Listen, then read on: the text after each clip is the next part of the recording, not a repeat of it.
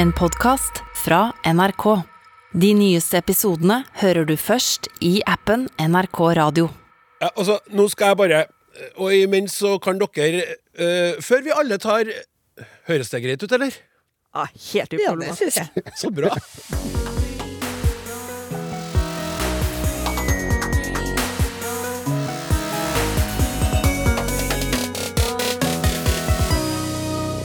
I både velge og følge så finnes det en G.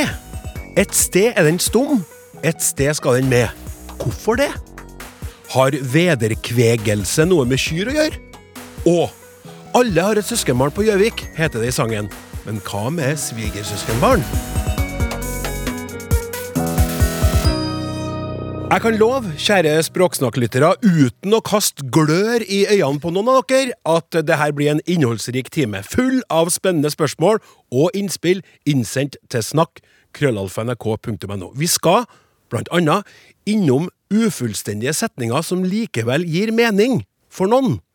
Vi skal innom forslag til familievennlige nyord, og uttrykk som brukes feil, og dermed egentlig ikke gir mening, eller i alle fall ikke den meningen de var ment å gi, og om det ga mening. For eksempel, kast glør i øynene, som jeg nettopp sa. Det heter jo ikke det, vet du. Mens du tenker på fasit, la meg forklare opplegget her i Språksnakk en gang til. Dere som hører på, lurer på noe? Sender oss en e-post med det dere lurer på. Adressen er snakk.krøllalfa.nrk.no. Jeg spør, og ekspertene svarer. Og ekspertene denne gangen er ingen ringere enn Kristine Bentsen fra Institutt for språk og kultur ved Norges arktiske universitet i Tromsø, og Stian Hårstad og Ellen Andenes fra Institutt for språk og litteratur ved NTNU. Puh! Velkommen, fine folk! Takk, takk. takk. Hei! Takk for et godt program. Lurer på ordet vederkvegelse. Hva betyr det egentlig? En form for ekstrem nytelse? Spørsmålstegn. Med vennlig hilsen Jan Petter Aasen. Stian, jeg må si at Jan Petter han lurer på om det er nytelse innblanda her. Jeg trodde det hadde noe med kyr å gjøre. ja, det er nok nærmere nytelse. Men uh, skyen er relevant. Jeg kommer tilbake til det. Det er vel et eh, litt sånn frem fra glemselen for enkelte, for det er ikke alle som bruker det her ordet eh, årlig. Jeg gjorde faktisk et søk for å se hvor mye det blir brukt, og i alle norske aviser i fjor så er det brukt 22 ganger. Uh, Så det er relativt sjelden, da. Ja. Men det har eh, lang historie, og ja, nytelse og nytelse, det står i bokmålsordboka. Forfriskning, trøst. For det fins et verb her bak, vederkvege. Heller ikke så mye brukt. Um, opprinnelig sannsynligvis ganske konkret. At du gir en forfriskning, du gir mat eller drikke, hvile. Altså kroppslig forstått, da. Men sannsynligvis ganske fort i en overført betydning. En sjelelig trøst, oppkvikning. Altså du får noe for sinnet som uh, fører til liksom, ny giv. Sånn at vederkvegelse er da substantivet som er bygd på å vederkvege. Og jeg vil påstå at det er et ganske litterært ord. Det blir ikke brukt mye i den eh, konkrete eh, betydninga. Det handler om det her Driver du og vederkveger deg nå, eller? sjelden. Ja. Men hvis en går gjennom og ser hvordan det er brukt, så er det nok en sånn eh, jeg kan si, oppbyggelig litteratur. Det er mye salmer og det er mye religiøs litteratur. Det handler om å få trøst, få den, den eh, ja, gjenopplivinga i konkret forstand. Og da kommer jeg til kua. For den kan jo gjenkjenne kveg her, og det er faktisk samme ord som i kveg. For da var det et gammelt skille mellom livdyr, altså dyr som var i live, versus slaktedyr, dødt eh, slakt. Og kveg er altså brukt om dyr, dyra som var i live. Og det også da beslekta med kvikk. For kvikk betyr egentlig i live. Det er ikke nødvendigvis rask og kjapp. Det handler om altså, kvikksølv og kvikksand og kvikkleire og sånn. Det har med at det er liv i det. Så det er rett og slett en forbindelse der. Altså, Stian, nå, eh, nå sier du det, og jeg, jeg skulle komme med en dårlig spøk. Ja, Jeg tenkte den tar jeg for laget, og så og så stemmer det. det syns jeg var, Ja, var bonus. det, det er faktisk en uh, forbindelse der. Altså kveg, som i de dyra, de er i live, til forskjell fra det andre typer dyr. Det har jo litt med hvilket eh, forhold en har. Behov for å skille mellom levende og døde dyr. Ja. Så kveg kommer fra livdyr, og det fins da i det her vederkvegelse.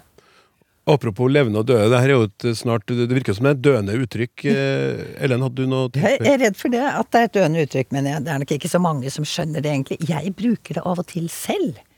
Ja. Flere ganger i året. Men bare til noen folk, da. ja. Men eh, det står, det står i gamle bibler så står det at man skal vederkvege de gode med det fete. Altså det fete av kjøttet.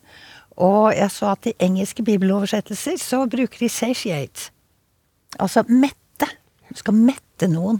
Men så får vi jo det åndelige da, ikke sant. Eh, og da er det en parallell til et annet ord som også forsvinner ut av språket, nemlig husvale. Altså å svale hugen. Svale sinnet til noen. ja. Som jo er et ganske vakkert ord, syns jeg. Men ja, det blir nok borte. Men likevel, tusen eh, hjertelig takk skal dere ha. Håper og tror at Jan Petter eh, ble fornøyd med det svaret. Vi går videre. Eh, Ellen, du skal få begynne med det neste spørsmålet, men før vi tar det, så skal jeg lese opp eh, noe fra en e-post der innsender også tok opp noe annet. Det dropper vi akkurat nå, men hun skriver da her Alltid hyggelig og lærerikt å høre på programmet. For et par eh, uker siden eh, cirka snakket dere om ordet oppskjørtet og betydningen av det, og du som snakka om, Ellen. Jeg leser for tiden den islandske forfatteren Haldor Laksnes, Islands klokker, utgitt av Gyllendal i 1957. Der er ordet i bruk. På side 255 står det Hun skjørtet opp og ga seg i vei. Så han lagt ved et bilde av den boka, veldig artig å se, og senere så får hun trøbbel likevel, sjøl med å skjørte opp og trekke opp skjørtet, da. Så det er så mye sånn busk i den, det området der hun har trukket opp skjørtet, så hun blir bløt i, i, altså på skjørtekanten likevel, til tross for oppskjørtinga. Det, det, var egentlig ikke noen kommentar jeg var ute etter, men hva ville du si? Jeg burde nok ha sagt, da jeg snakket om uh, oppskjørting, at eh, det er i bruk. Og man behøver ikke gå til oversettelser av islandsk litteratur på 50-tallet. Mari Åsmundsen brukte det i hvert fall på 90-tallet. Altså skjørte opp. Ja. Hun skulle sette seg på utedoen. Nettopp. Da må man skjørte opp. Ja. Det sier seg selv. Men vi takker likevel Geir Salter for eh, Absolutt. innspillet. Og så til spørsmålet. Hei! Takk for et veldig interessant program. Etter repriser i sommer gleder jeg meg til å høre svar på nye lytterspørsmål, og her er mitt bidrag. Jeg er selv fra Oslo, men kjenner mange nordlendinger. Og jeg har lagt merke til at når de skal beskrive noe med et adjektiv eller presens partisipp som slutter på ende, i min dialekt legger de ofte på en s i slutten av ordet. For eksempel kan de si at en bok er spennende, at vi må ta tak i de grunnleggende problemene, at Jakob Ingebrigtsens prestasjoner er helt imponerende, eller at en person kom springende nedover veien. Jeg lurer på hvor denne S-en kommer fra, og om den historisk sett har hatt en funksjon. På forhånd takk for svar. Hilsen Tonje. Tonje, for et imponerende, spennende og grunnleggende spørsmål. Sendt inn til snakk, krøllalfa.nrk.no. Ja, Ja, altså, takk Tonje, for det var et fint spørsmål, syns jeg. Først da, disse S-formene, de er nok ikke begrensa til nordnorske dialekter likevel. De fins i både vestnorsk og østnorsk.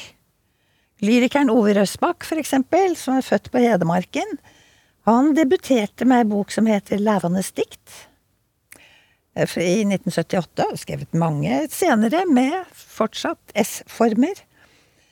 Eh, Og der skriver han om folk som kom gående, og om en frier som skulle komme flaksende over hustaka en dag. Og det er jo, vi finner også mye sånt hos Prøysen, rimeligvis. Men så da, altså de eksemplene der, de dreier seg om noen som gjør et eller annet. Eksempel komme flaksende. Eller flaksnes. Og så videre. Eh, Men den S-en, den er ekstra vanlig der hvor betydningen er litt annerledes, nemlig passiv. Når noe kan bli brukt, da er det brukenes. Og et menneske som eh, er lett å like, Lika. er likenes. Eller likanes. Ja, jeg er vant til likanes. Ja. Eh, Men likenes står faktisk i ordboka som den ene av disse formene. Og det som kan spises, det spisendes, og så videre og så videre. Og innsenderen er jo fra Oslo, eh, akkurat som jeg. Eh, Og der er nok ikke de S-formene så veldig vanlige lenger, men vi har dem i noen faste uttrykk, da. Eh, For eksempel Oslo-forfatteren Kjetil Bjørnstad, han, han skrev i, i 1977 om en valp som var troendes til litt av hvert.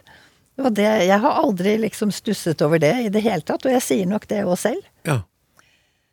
Eh, Men så spør jo innsenderen om hvor den S-en kommer fra. Om den har hatt en historisk funksjon. Og det har den vel sikkert. Eh, Men jeg kan ikke nok språkhistorie til å gjøre rede for det, altså.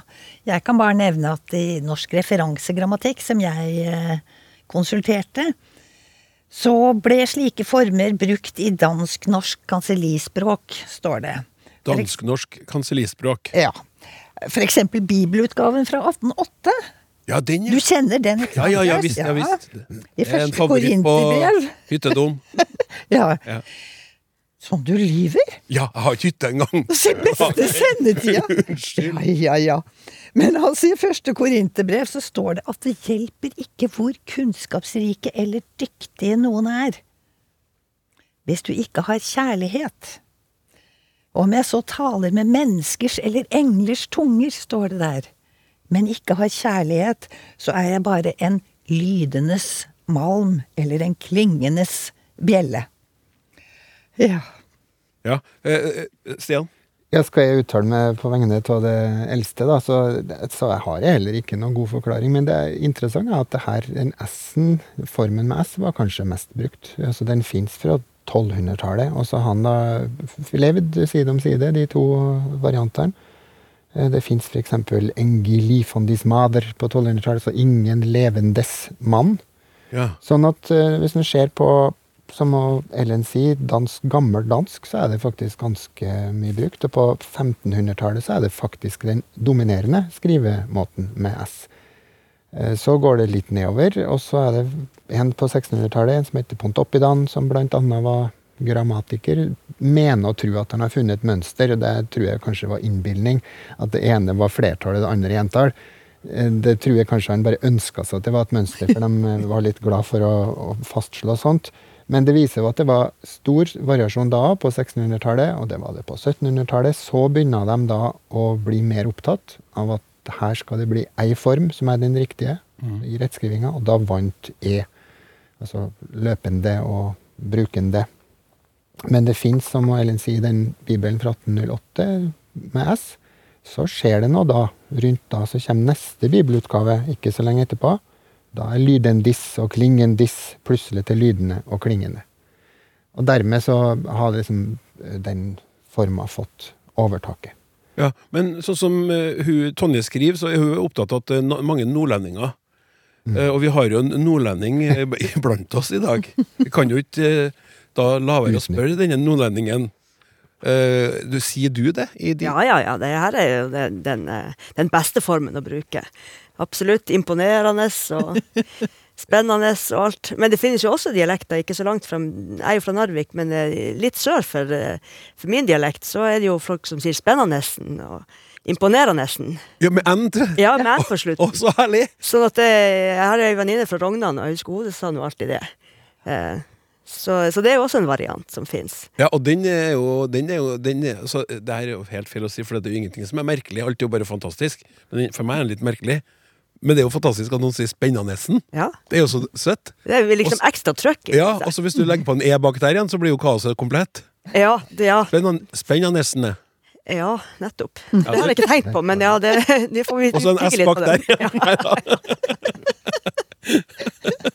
Unnskyld. Vi aldri- kommer aldri til poenget, kjem- Kommer oss aldri videre. Men, men det som er eh, Så, så vi vet ikke helt eh, Nei, det har i hvert fall ikke noe sånn eh, helt klart svar. Men S er jo påklistra i forskjellige sammenhenger, som, så det er flere mistenkte. Det, I eh, ja, yngre gammelnorsk så fins det S sånn som er satt på i adverbform, som kanskje ble med. Så vet også at det som vi kaller genitivs-S i dag, har jo også levd et sånn liv at det liksom dukker opp etter visse preposisjoner, sånn at stå til troendes.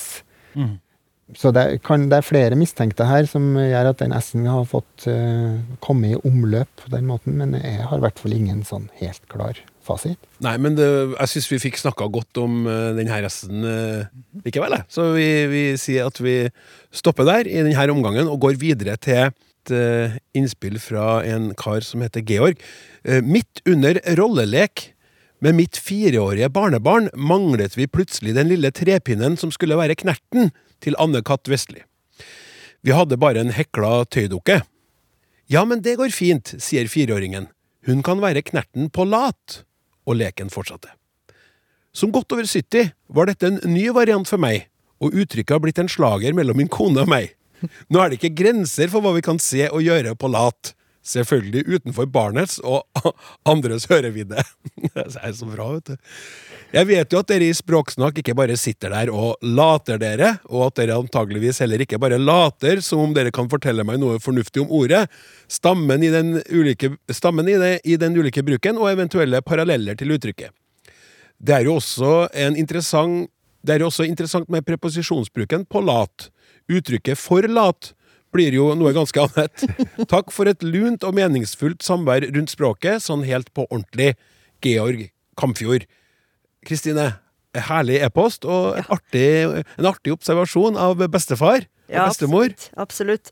Eh, det her er jo, jeg synes jeg, er en god illustrasjon på, på unger sitt, sitt rike fantasiliv, og det er jo artig at det her også kan smitte over på besteforeldrene og, og gi dem litt ny spenning i hverdagen der.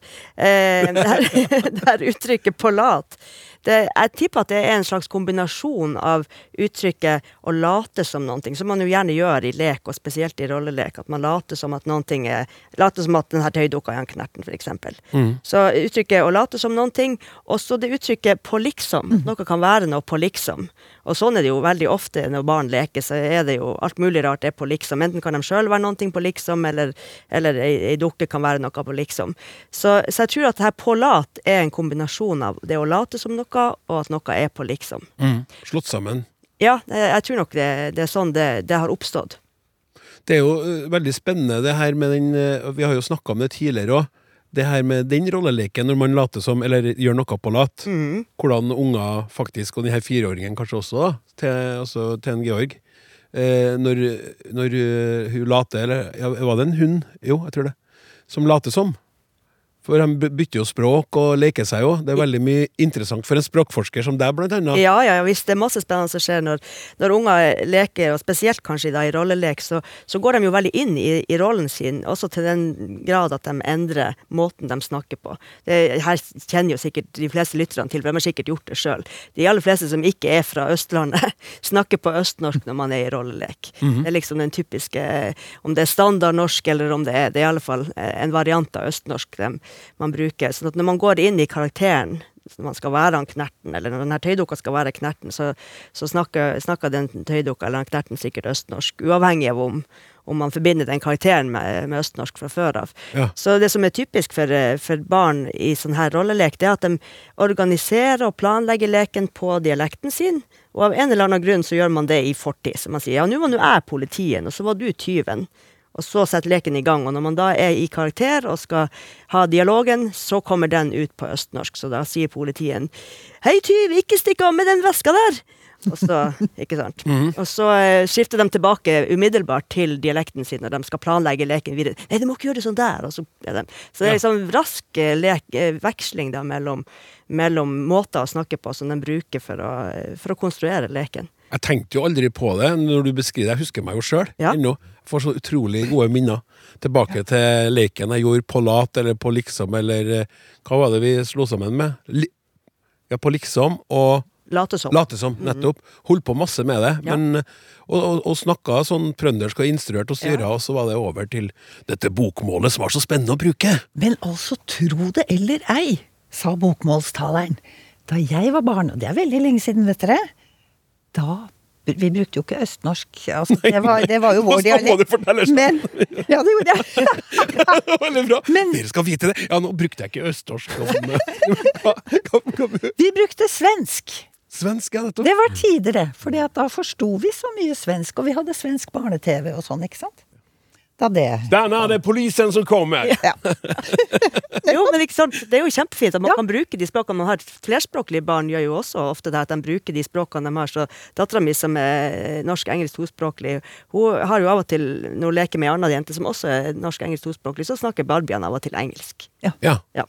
Og norsk-samisk tospråklige barn organiserer leken på samisk, og så eh, er dialogen på, på norsk. Ja, men så I Ellen sitt tilfelle så var det jo en naturlig, et naturlig sted å gå til Sverige. For at du kunne jo, når du snakker østnorsk som alle andre bruker, hva skal du da bruke? Ja, Ja, det er et annet språk. ja nettopp. Nei, Pålat. På late, eller på lissom, sa vi da. Ja, på liksom, ja. Nettopp. Ja, øh, håper det var greit. Georg, hils kona og barnebarnet så mye, og øh, gjør, fortsatt gjør masse ting, både på lat og på ekte. Jeg heter Anne, eh, og mitt favorittord er lykkestrømning. Jeg har liksom kobla ordet med en følelse. Og det er når det liksom sildrer litt fra toppen og ned i alle deler av eh, Du bare kjenner at åh, nå var livet helt OK. Pluss da er det bra. Da er det en lykkestrømning.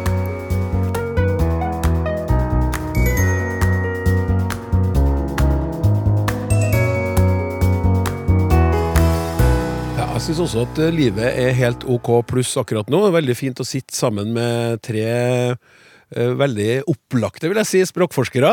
eh, Ellen, og Kristine og Stian, som svarer på spørsmål sendt inn til snakk.krøllalfa.nrk.no. Og nå er det Stian som skal få bryne seg på følgende fråge. Hei! Takk for språksnakk. Jeg lærer mye og følger dere nesten hver uke. Og dermed har jeg kommet til spørsmålet mitt. Jeg velger her uttaler jeg G i velge. Og følge. Her skal jeg ikke uttale G i følge. Men hvis jeg snakker om bølger på havet, tar jeg med G-en.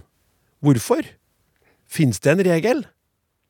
Har dere noe klokt å si om dette som kan hjelpe meg? Hilsen Linde. Det er godt spurt, vet du. Og jeg, jeg lurer på Jeg vet ikke om eh, Linde er født og oppvokst i Norge, eller om Linde eh, er tospråklig, som vi kaller det, da, men eh, får en følelse av det, for det her er sånn som vi tar, og de ikke like lett tar. Jeg mistenker også at det her er en innlærer av norsk som er på vei inn i norsk, kanskje som sitt tredje, fjerde eller femte språk, for alt jeg vet. Og det har jo sine utfordringer, spesielt da i muntlig dimensjon. Og da skulle jeg ønske at jeg kunne ha løft fram en regel, men sånn er det jo som det ofte er da på talt norsk, så er det vanskelig å komme med noe absolutt. Det er jo fram og lykke til. Ja, det er litt sånn. Ja. Begynn med deg, Linde. Det er, du kommer langt med begge deler. Og kanskje kan du si at hvis du uttaler LG sånn som det står, så er det i hvert fall eh, gyldig bestandig. Men LG er ganske interessant på norsk. Sånn, G-en har levd et eh, trasig liv historisk, og i mange talemål i norsk så er det rett og slett blitt til en eh, ly. Sånn som i helg og elg og bølge, som enkelte sier. Så L og G sammen, det treffer du ofte som ly, eller li. Altså ingen G. Så det her skriftbildet er ikke så lett å lene seg på, eller du møter i hvert fall fort eh, andre varianter i forskjellige typer norsk. Så derfor så er jo da skriftbildet litt sånn eh, besnærende skummelt å støtte seg på, for du sa jo følgende i, til å begynne med. Da er det sikkert et flertall blant dem som som leser bokmål, eller kanskje også nynorsk, at G-en blir uttalt. Men akkurat i å følge, så vil nok kanskje flertallet utelate G-en. Hvis du snakker om at nå får konsekvenser, at det har en følge, så tipper jeg de fleste vil uttale G-en. Og at nå er ifølge loven, så vil kanskje G-en dukke opp, dukke opp. Så det her er et litt sånn uh, vanskelig terreng. I uh, velge så er det enda mer innfløkt, fordi at den G-en er egentlig falsk. Så det er et påfunn fra dansketida. For der har de aller fleste talemål uh, ingen G, og vel og velge, eller velge, mange forskjellige sånne varianter, som ikke har noe bakgrunn i noe G, altså det som da kommer ut i skrift. Fordi at den G-en har levd et så trasig liv, så har det skjedd en misforståelse en gang, kanskje 1600-1700-tall, når folk begynner å skrive mer. Så tenkte da kanskje noen dansker at jaha, velge, velge, hm, her ligger det nok en G bak. For de er så vant til at den G-en ble forvandla, så begynte de å skrive en G i en del ord. Det gjelder selge, og det gjelder velge, altså ganske vanlige ord. Så det snek seg inn en G i skrift som egentlig ikke har noe historisk bakgrunn. Det var bare en, en misforståelse, en eh, overforklaring. Ja, Fant en forklaring på det her. Men når den kom inn i skrift, og den kom til norske munner, norsk uttale, så var eh, nordmenn enda ja, flinkere til å uttale skrifta lydrett. Så dukka G-en opp. Så derfor så heter det et salg på norsk. Sjøl om altså på svensk side heter det jo ikke en G, på nynorsk er det ingen G, og det er egentlig ikke historisk bakgrunn for en G der. Så det er en liten lure-G. Jeg velger meg i april. Ja, det, ha, det kunne- føles rart. Jeg velger med april, ville jeg f.eks. sagt. Og Ja. den, eh, den den der da, har da sannsynligvis en dansk skriver tenkt at her kommer det av en G. Jeg skriver inn en G. Ja. Og det har til og med dukka opp i å telle på et tidspunkt. Du ser 1700 Å telle? Ja, å telle. Det ble skrevet med G på dansk i en liten periode, men det skjønte de at nei, det forsvant. Et sted for grensa gå. Riktig. Ja. Men hvis en skal prøve å finne en regel oppi der, så er det da en trøst at eh, du, du får et rikt liv uansett hvilken variant du velger. Det er nok eh, stor variasjon i norsk uttale på det punktet her. Flertallet vil nok si følge uten G når du leser en bokmålstekst. Mm. Men som jeg har nevnt, så blir det nå dukker G-en opp igjen i følgende, eller i en, i en følge. Ja. Så det er ikke så lett å Nei. manøvrere her. Nei. Kort. Altså, jeg syns bare vi må se med sympati på våre forgjengere. Tenk hva de måtte klare seg uten. Ikke noe språkråd, ikke noe språksnakk. Veldig. Verden går fremover. Verden går definitivt fremover. Og Linde, eh, lykke til. Altså, du, altså, det beste kanskje for deg vil være å velge å sige si G-en overalt, til du begynner å lytte deg frem til hvor den ikke skal være. Mm. lykke til.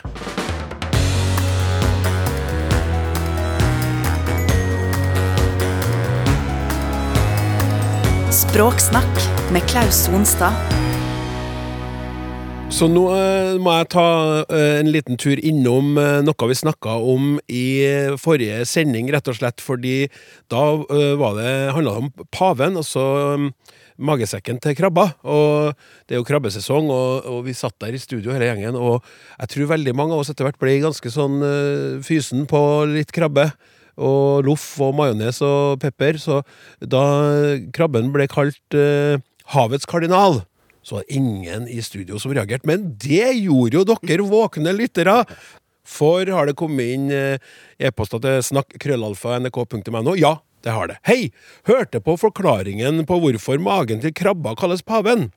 Da også litt uti ble det nevnt at krabba også kalles havets kardinal. På våre kanter er det hummeren som kalles havets kardinal. Har aldri hørt dette om krabbe. Med vennlig hilsen Dag Westrin Kragerø. Hei! Hørte i dag at dere kalte krabben havets kardinal. Her jeg bor, fiskes det mye hummer. Det er vel den som kalles havets kardinal. Toril fra Risør. Hei! Hørte nettopp krabbe omtalt som havets kardinal. Dette er feil. Det er hummeren som kalles havets kardinal. For øvrig har jeg også hørt at paven har fått navnet fordi formen ligner pavens høye hodeplagg, mitra. Hilsen Ingunn Skred, Tromsø. Dere har så rett. Vi beklager så meget. Vi ble så sultne der vi satt, vi glemte oss helt. Men siden vi har sånne lyttere som dere, så ordner det seg likevel. Takk for det. Fortsett å høre på oss. Nå skal vi over til et spørsmål som du skal få bryne deg på, Ellen. Kanskje var det en reprise jeg hørte. Ikke alltid lett å vite med P2. Hvor som er, fikk jeg lyst til å nevne ei nemning som jeg kanskje har funnet på av meg sjøl. Ettersom jeg har hatt hell og lykke med ordet. Det tror jeg i alle fall. Jeg har altså et par vidunderlige eh, svigersøskenbarn Unnskyld, svigersøskenbarn, om jeg skal ha von om å komme meg inn i ordbøkene. Det er, som nesten alle sikkert forstår, i mitt tilfelle slike som har funnet på å gifte seg med et av mine kjære søskenbarn, søskenbarn, søskenbarn. Det fine er at når de får et ord på seg, så er de noe, ikke sant? Da har jeg lemma deg inn som medlemmer i slekta. Svigerniese er også et bra ord. Altså ikke kjødelig niese, men ei som er gift eller liknande med en kjødelig nevø. Slik kan en drive på. Samme får også svigerbarnebarn, men søskenbarnbarn må, må ha en bindestrek, ellers kan det bli rot og blanda sammen med gammeltanteunger eller gammelonkelunger.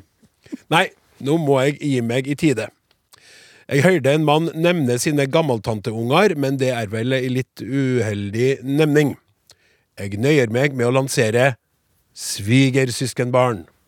Med hilsing ei som liker språksnakk, og aldri hadde jeg trodd jeg skulle bli så begeistra for denne moderniseringa og ungdom, ungdommeliggjøringa av et godt gammelt program, men jeg bøyer meg i støvet. Tordis Irene Fosse. Svigersøskenbarn, Ellen. Ja, svigersøskenbarn, du. Altså, det er jo så artig med alle de spørsmålene vi får fra lyttere som er opptatt av det vi kan kalle slektskapsord, da. I litt bred forstand. Og noen sånne betegnelser er jo faste og avgrensa og lette å definere. Og det er gjerne de som inngår i relasjoner som er eh, formelt regulert. Altså i loven. Arvelova, for eksempel. Foreldre, barn, ektefeller, sånne ting. Eh, Men det innsenderen spør om, det er jo først og fremst hva vi syns om ordforslagene hennes. Og særlig da svigersøskenbarn, eventuelt også svigerniese og svigernevø. Og jeg syns det er fine forslag, jeg. Og jeg liker så godt den begrunnelsen hun gir selv. For hun skriver at det fine er at når de får et ord på seg, så er de noe, ikke sant? Da har jeg glemma deg inn som medlemmer i slekta. Og det er et fint perspektiv, syns jeg, da. Og det illustrerer også veldig godt det der med at hvem folk regner som sin familie, det dreier seg først og fremst om hva slags relasjoner vi har til hverandre. Folk opplever jo familien som et sett av følelsesmessige bånd, gode eller onde, for all del, grader av nærhet og distanse. Men så var det det, kommer det inn i ordboka? Får hun, får hun det til? Det er nok ikke sikkert at de orda kommer inn i ordbøkene sånn med det første, det kommer vel an på om folk begynner å bruke dem. Vi får bare følge med, og se, og se hva som skjer, rett og slett. Og da er det jo sånn at eh, hvilke relasjoner vi har behov for å sette ord på, det varierer. Det forandrer seg, det. Eh, tenk på ord som filletante, filleonkel, fillenevø og sånn. Ja. Søskenbarna til foreldrene mine, de kan kalles filletanter og filleonkler. Og den andre veien så har vi fillenevøer og fillenieser. De brukes kanskje ikke så mye lenger nå. Gjør nok ikke det. Nei, ifølge Wikipedia, som jeg måtte konsultere her, så er disse filleordene De er særnorske begreper, faktisk. Vi fant dem opp helt selv. Som trolig oppsto i borgerlige og urbane miljø, står det, rundt år 1900. Og da som betegnelse på søskenbarna til far eller mor. Eh, I dansk skal de visstnok bruke halvonkel isteden. Og halvtante, da. Men det, Ja. det gjør altså ikke vi. Eh, mens Store norske leksikon sier at en filletante er en kvinnelig partner til en av foreldrenes søsken. Så her er det altså ganske flytende. Det er ikke så presise betydningsinnhold, og det spiller ingen rolle for eh, arvelating.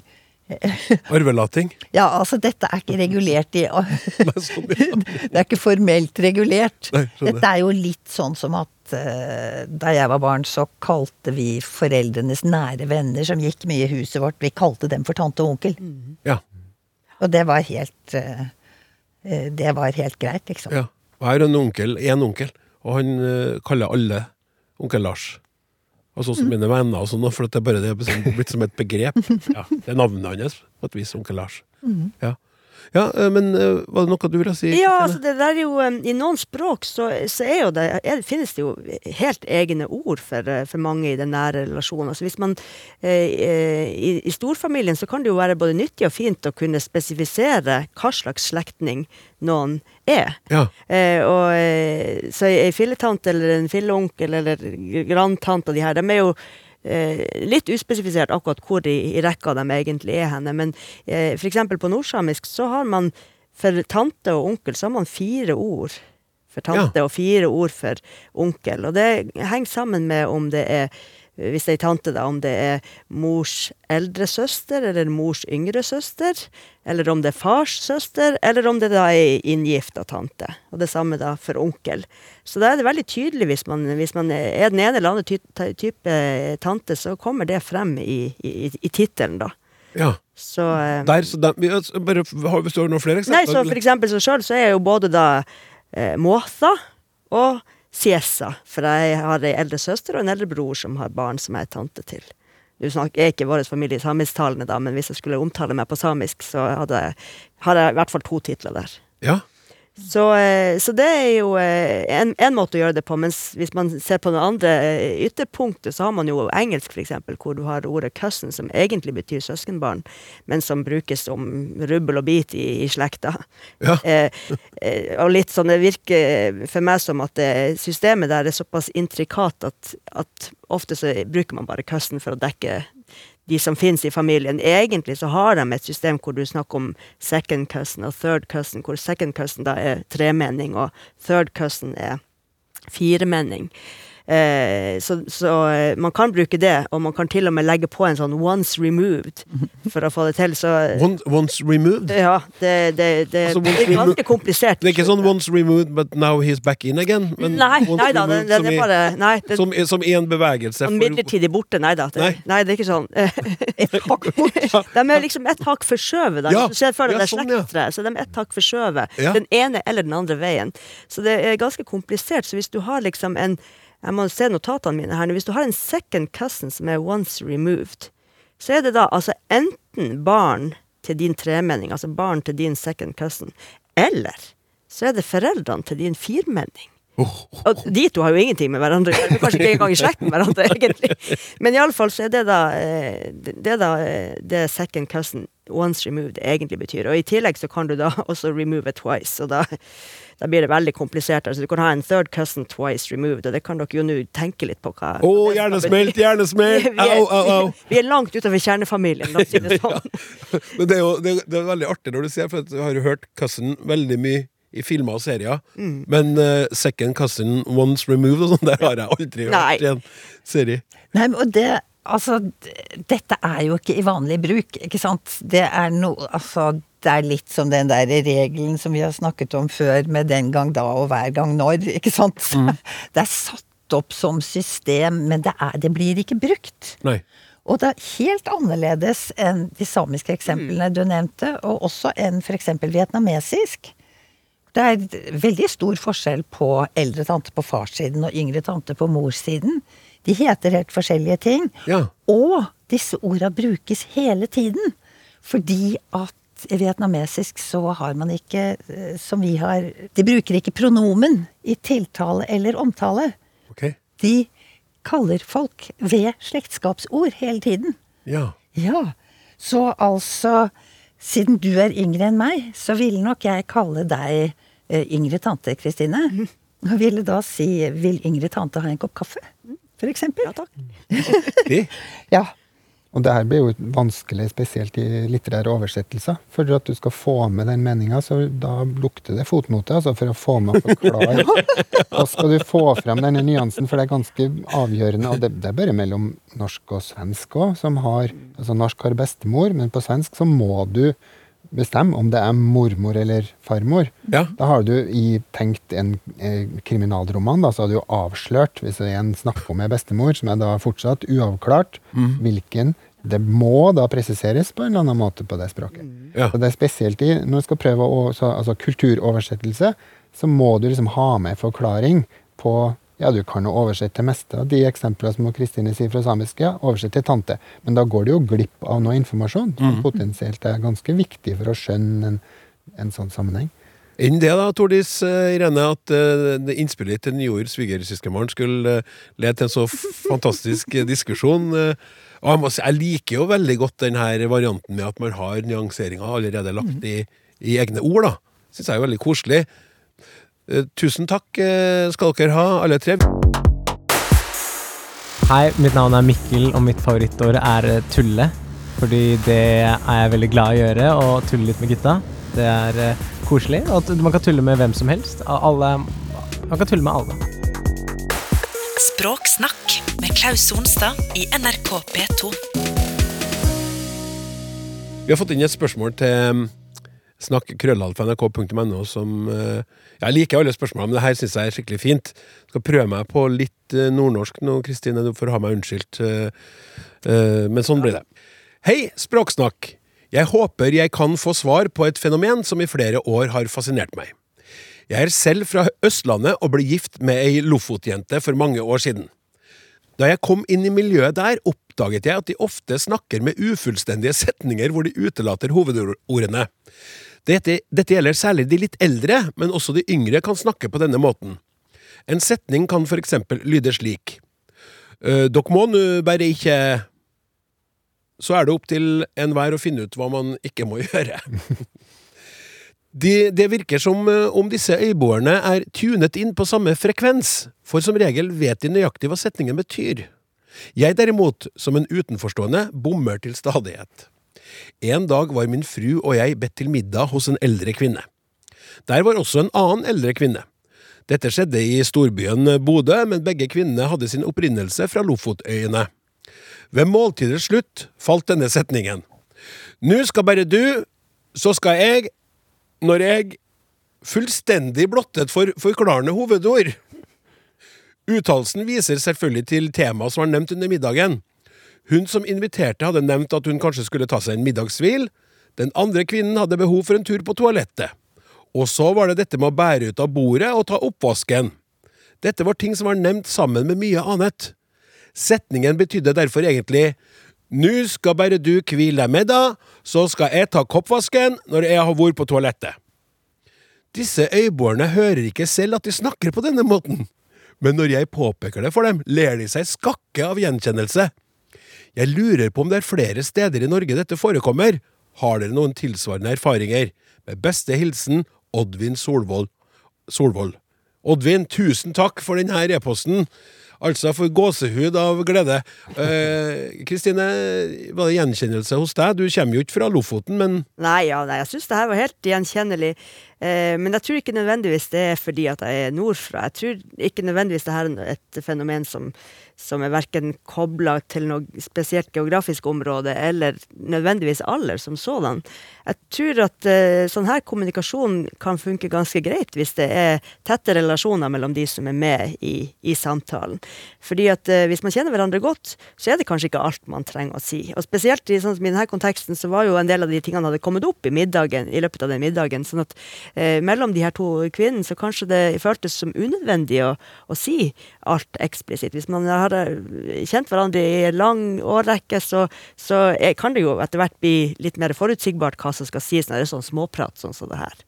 Eh, så jeg tror kanskje at det som er viktigere enn en både geografi og alder for, for å, å bruke sånn her kommunikasjonsform, er at man eh, har tett relasjon, at man kjenner hverandre godt. Ja. Eh, men en annen ting som jeg tenkte på når jeg hør, leste det her spørsmålet, det er jo at noe av det som utelates her, eh, kan jo være kobla til litt sånn tabu, sånn som det her med å gå på toalettet, som man kanskje ikke nødvendigvis sier så eksplisitt. Man kan eh, la være å si. Så det, eh, enten at man utelater noe som er tabu, eller kanskje man eh, utelater å si noe som man kanskje syns er litt pinlig, eller vil unnskylde på noe vis, som å ta seg en middagshvil midt på ettermiddagen, selv om foreldrefolk sier jo det er selvfølgelig helt normalt. Eh, eller at man lar være å si eksplisitt at 'nå skal jeg ta oppvasken for deg' når man er gjest. At man bare tar oppvasken uten å si noe om det. Så det å utelate er jo da eh, at vertskapet skal ta seg en middagshvil, mens, mens eh, gjesten skal ta oppvasken, ikke sant. Så kanskje det er en måte å bare være litt eh, vennlig eller høflig eller eh, grei mot vertskapet, og ikke gjøre det så tydelig at 'nå skal du sove mens jeg skal ta oppvasken', middagsbesøk hos deg.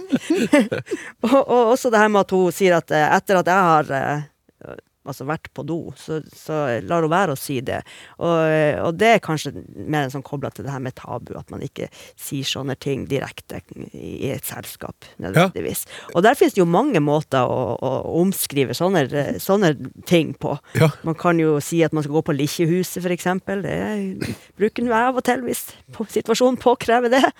Eller man kan eh, De her i julekalender, husker dere, de, de sa jo 'Bless you to Belgen'. Det husker jeg veldig godt, ja. det finnes jo jo mange sånne uttrykk. Det her å, å ut og telefonere, for eksempel. Ja. Jeg, jeg, vet ikke helt hvor- det kommer fra, men jeg antar det kommer fra den gangen når telefonene ikke var noe som lå i lomma, men som sto fastmontert på veggen. Ja, Ja. typisk i gangen, ikke sant. Så hvis man sa man skulle ut og telefonere, så var det helt naturlig at man ble borte ei lita stund, og så kom man tilbake igjen, og så hadde man kanskje gjort noe helt annet. Men jeg opplever jo at uh, ut og telefonere er ganske annerledes enn Bless it to ærlig. Ja, ja, ja, det er Jeg syns at de er i hver sin ende av uh, skalaen her, de to uttrykkene. Her i Trøndelag kan man jo bare gå til Nova. Ja. Ja. Det er det kan vi også i nordpå, ja. ja, ja. Ja. Men, men jeg, må, jeg må si at det, der, det her er interessant, fordi uh, du sier at eh, du tenker at det handler mye om nærhet, ikke sant, Mm. relasjon, eh, men og så er det jo øyboere blir eh, nevnt her. Han er opptatt av det, han Oddvin, at det er øyboere. Og så sier du det her tror jeg kanskje finnes overalt. Så jeg er veldig, veldig eh, eh, gira på, kjære lytter, om du har opplevd det samme, eller gjør det samme, så må du skrive inn til oss. Uansett om du bor på fastlandet eller på ei øy, uansett om du bor nord, vest, sør eller øst i landet, skriv til snakk krøllalfa.nrk.no om du da har overhørt, eh, opplevd, eller om du sjøl gjør det her. For det, det er spennende. Eh, Og enn hvis det bare kommer inn e-poster fra øyfolk, da? Hæ? Enn ser er bare på øya der de er tett på hverandre og levd livet sitt. Ikke sant? Enn hvis det så, da har vi en kjempe sånn oppdagelse, jo. Og så bare blir det ødelagt, og plutselig så plopper meldinga fra Bergen og, og Lillehammer og det. Jeg skriver til oss da, vi har veldig lyst til å høre fra dere om det her. Hei, for noen uker siden hørte jeg på Språksnakk. Der tok dere blant annet opp hvordan en del gamle uttrykk hvordan de blir misforstått og eventuelt forandrer mening. Under rydding i skap og skuffer fant jeg et lite avisutklipp der det blant annet sto at det ikke er typisk norsk å dra på påskefjellet med den begrunnelsen at det bare er 13% av oss som gjør det, og presterer på den måten å kaste glør i øynene på. Her er det jo en misforståelse ute og går. Så vidt jeg vet heter det å kaste blår i øynene på noen. Men blår er det vel knapt noen under 60 som vet hva er. Hilsen Inger, 73. Ja. Stian. Enig. Blår eh, tror jeg kanskje bare fins i å kaste blår i øynene, så det er ikke så rart at det blir utbytta. Og glør har jo sånn formlikhet, i hvert fall, og det gir for så vidt en slags mening å kaste glør i øynene på noe, så eh, Ganske drastisk, men det gir jo mening som, eh, som bilde, da. Men det er altså Ikke, ikke gjør dette hjemme, må vi skynde oss å si ja, det når du sier det. Anbefales ikke, men jeg tror at det vil gi en effekt. For betydninga er altså at du skal bløffe når du skal lure, du skal føre bak lyset. Og det gir jo fortsatt mening med glør. Men det er blår som er utgangspunktet. Og blår, som eh, Inger er inne på, blir nok knapt brukt til noe annet. Og det er ikke så lett å koble det til så mye hverdagslige ting. Men blår har nå med lin, eller bearbeiding av hamp eller lin. Så den egentlig opphavlige forklaringa er vel at du får kasta noe støv, grums av et eller annet, så du òg mister synet, sånn at du da kan bli lurt eller bløffa på et eller annet vis. Blår har en fjern slektning i bleie, faktisk. Ja. Uten, ja, det har noe med det tekstil altså det, det som en bleie er lagd av, var vel opprinnelig et sånn stoff av lin eller hamp. eller sånn. Så der er det det nærmeste jeg kommer, for ellers så er blår fullstendig ute av min, eh, ord, mitt ordforråd, i hvert fall. ja. Og så når det går under radaren for mange, da, så er det naturlig å, å bytte inn med noe som da du, du umiddelbart forstår, for glør er jo mye mer brukt. Mm. Og så oppfyller det jo for så vidt, da, som sagt. eh, Det gir jo mening, det her, fortsatt. Men, men samtidig så er det jo sånn at det er litt som den her bjørnetjenesten som har endra betydning. At når du kaster glør i øynene på noen, så blinder du. Da tenker man man blinder jo den Ja. personen permanent. Ja, Det kan være så risiko for å gjøre. Men når en kaster blår igjen på noen, så er det sånn «Oi, oi, Hva gjør du for noe? Og så stjeler du pengene, eller eh, ha-ha, lurt deg. Og så ser jo den personen igjen og innser ah, jeg er blitt lurt. Men å stå der sånn Jeg ser ingenting! Jeg ser ingenting! Jeg er blind! Så det har blitt mye mer alvorlig. Ja, et, nå tror jeg ikke at glør i øynene er brukt så mye, da, men hvis det nå skulle feste seg, så er det et par hakk mer drastisk, ja. Ja. Det som er rart, er at det kanskje ikke Det her linrusket er heller ikke opphavet. Det er nok et gammelt dansk ord, sannsynligvis, som eh, ja, blåner. Det er noe at du får synsforstyrrelser i en annen forstand. Så det er altså en andregrads misforståelse. Det her da. Det er misforstått i første omgang, kanskje på dansk jord, fordi de heller ikke kjente det her ordet for at du får en synsforstyrrelse. Og så har tolk kobla det til en type sånn rusk, linrusk, som sannsynligvis var mer kjent da. Blår, ja. Ja, så ble det blår. Og så har linrusket forsvunnet ut av våre liv. Og så har det blitt misforstått i andre runde. Og nå kanskje glør Ja. nye versjonen. Ja, takk. Vi skal over til noe som jeg ikke vet om er fånyttes og eller fåfengt, Ellen. Eh, Det er en hvitebjærlig ungdom som skriver til oss. Hei! Jeg lurer på noen ting vedrørende et par ord. Fånyttes og fåfengt. Er det noen forskjell i bruken av disse ordene? Og i så fall, hva?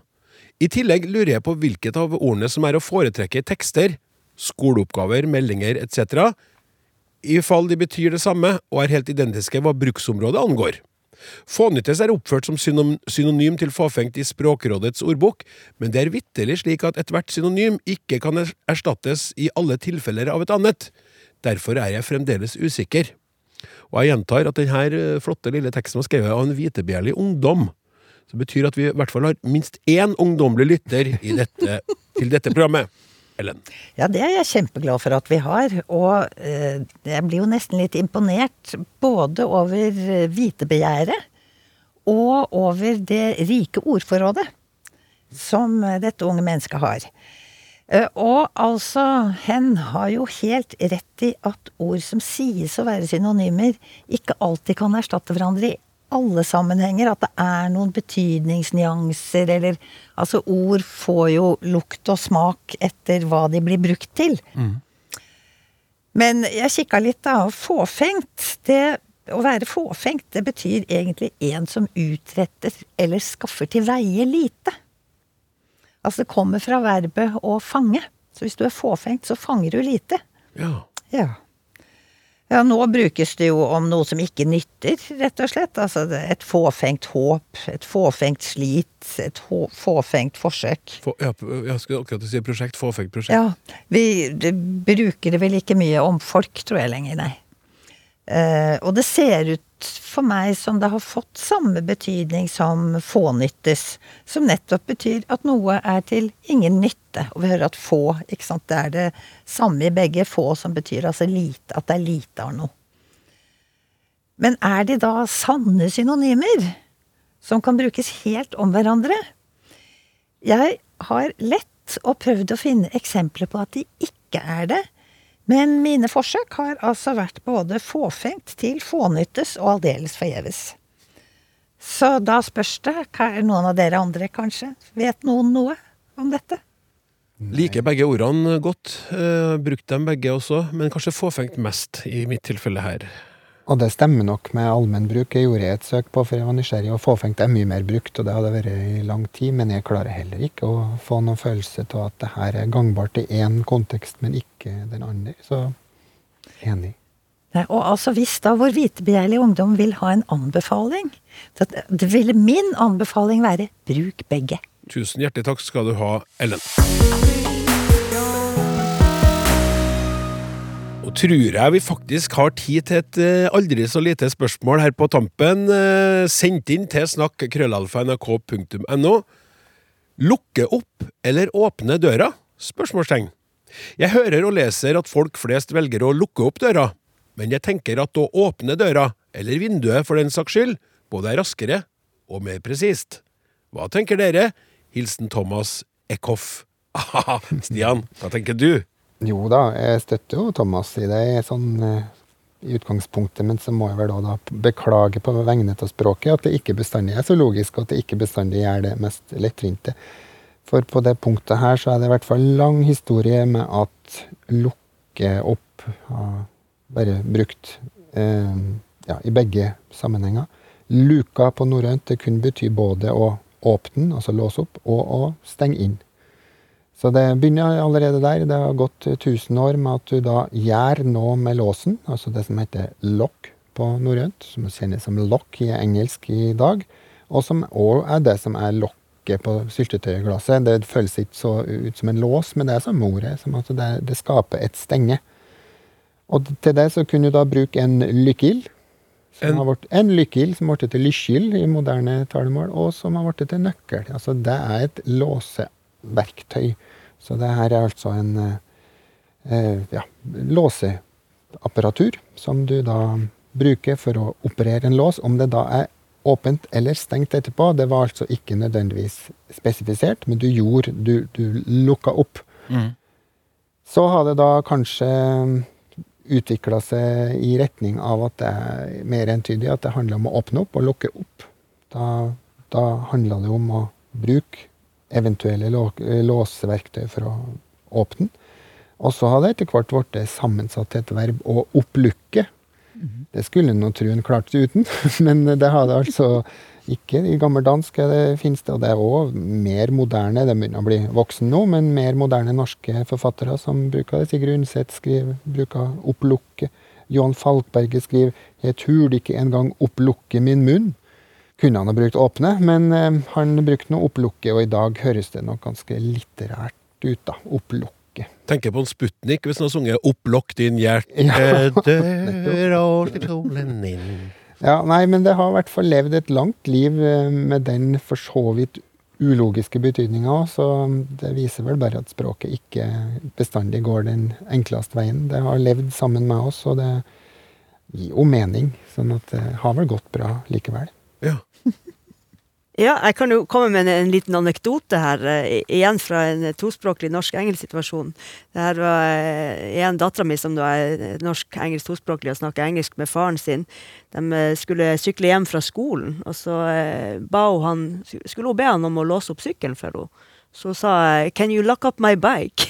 og han stussa jo på Skal jeg låse sykkelen din nå når vi skal sykle av gårde? Men ikke sant, lock up på norsk. Ja. Du bare oversetter det direkte, så er det jo lukke opp eller Ja. låse opp. Men på engelsk betyr det da det motsatte. Å låse. Og det er ingen andre muligheter der. Nei, ikke som, ikke som jeg vet på engelsk. Nei. så betyr det det å låse. Lock up din hjertedør. Altså, det blir Ja, vanskelig for en eh, Det blir ikke noe solskinn som kommer inn, for å si det sånn. Eh, tusen hjertelig takk skal dere ha, alle tre. Kristine Bensen, eh, Stian Hårstad og Ellen Andenes for eh, super innsats i dagens eh, Språksnakk, som straks er over. Tusen takk for føl følge. følge. I redaksjonen tekniker Børge Johansen, journalist Randi Lillealteren, produsent Hilde Håbjørg. Jeg heter Klaus Sonstad. Vi snakkes! Du har hørt en podkast fra NRK. De nyeste episodene hører du først i appen NRK Radio.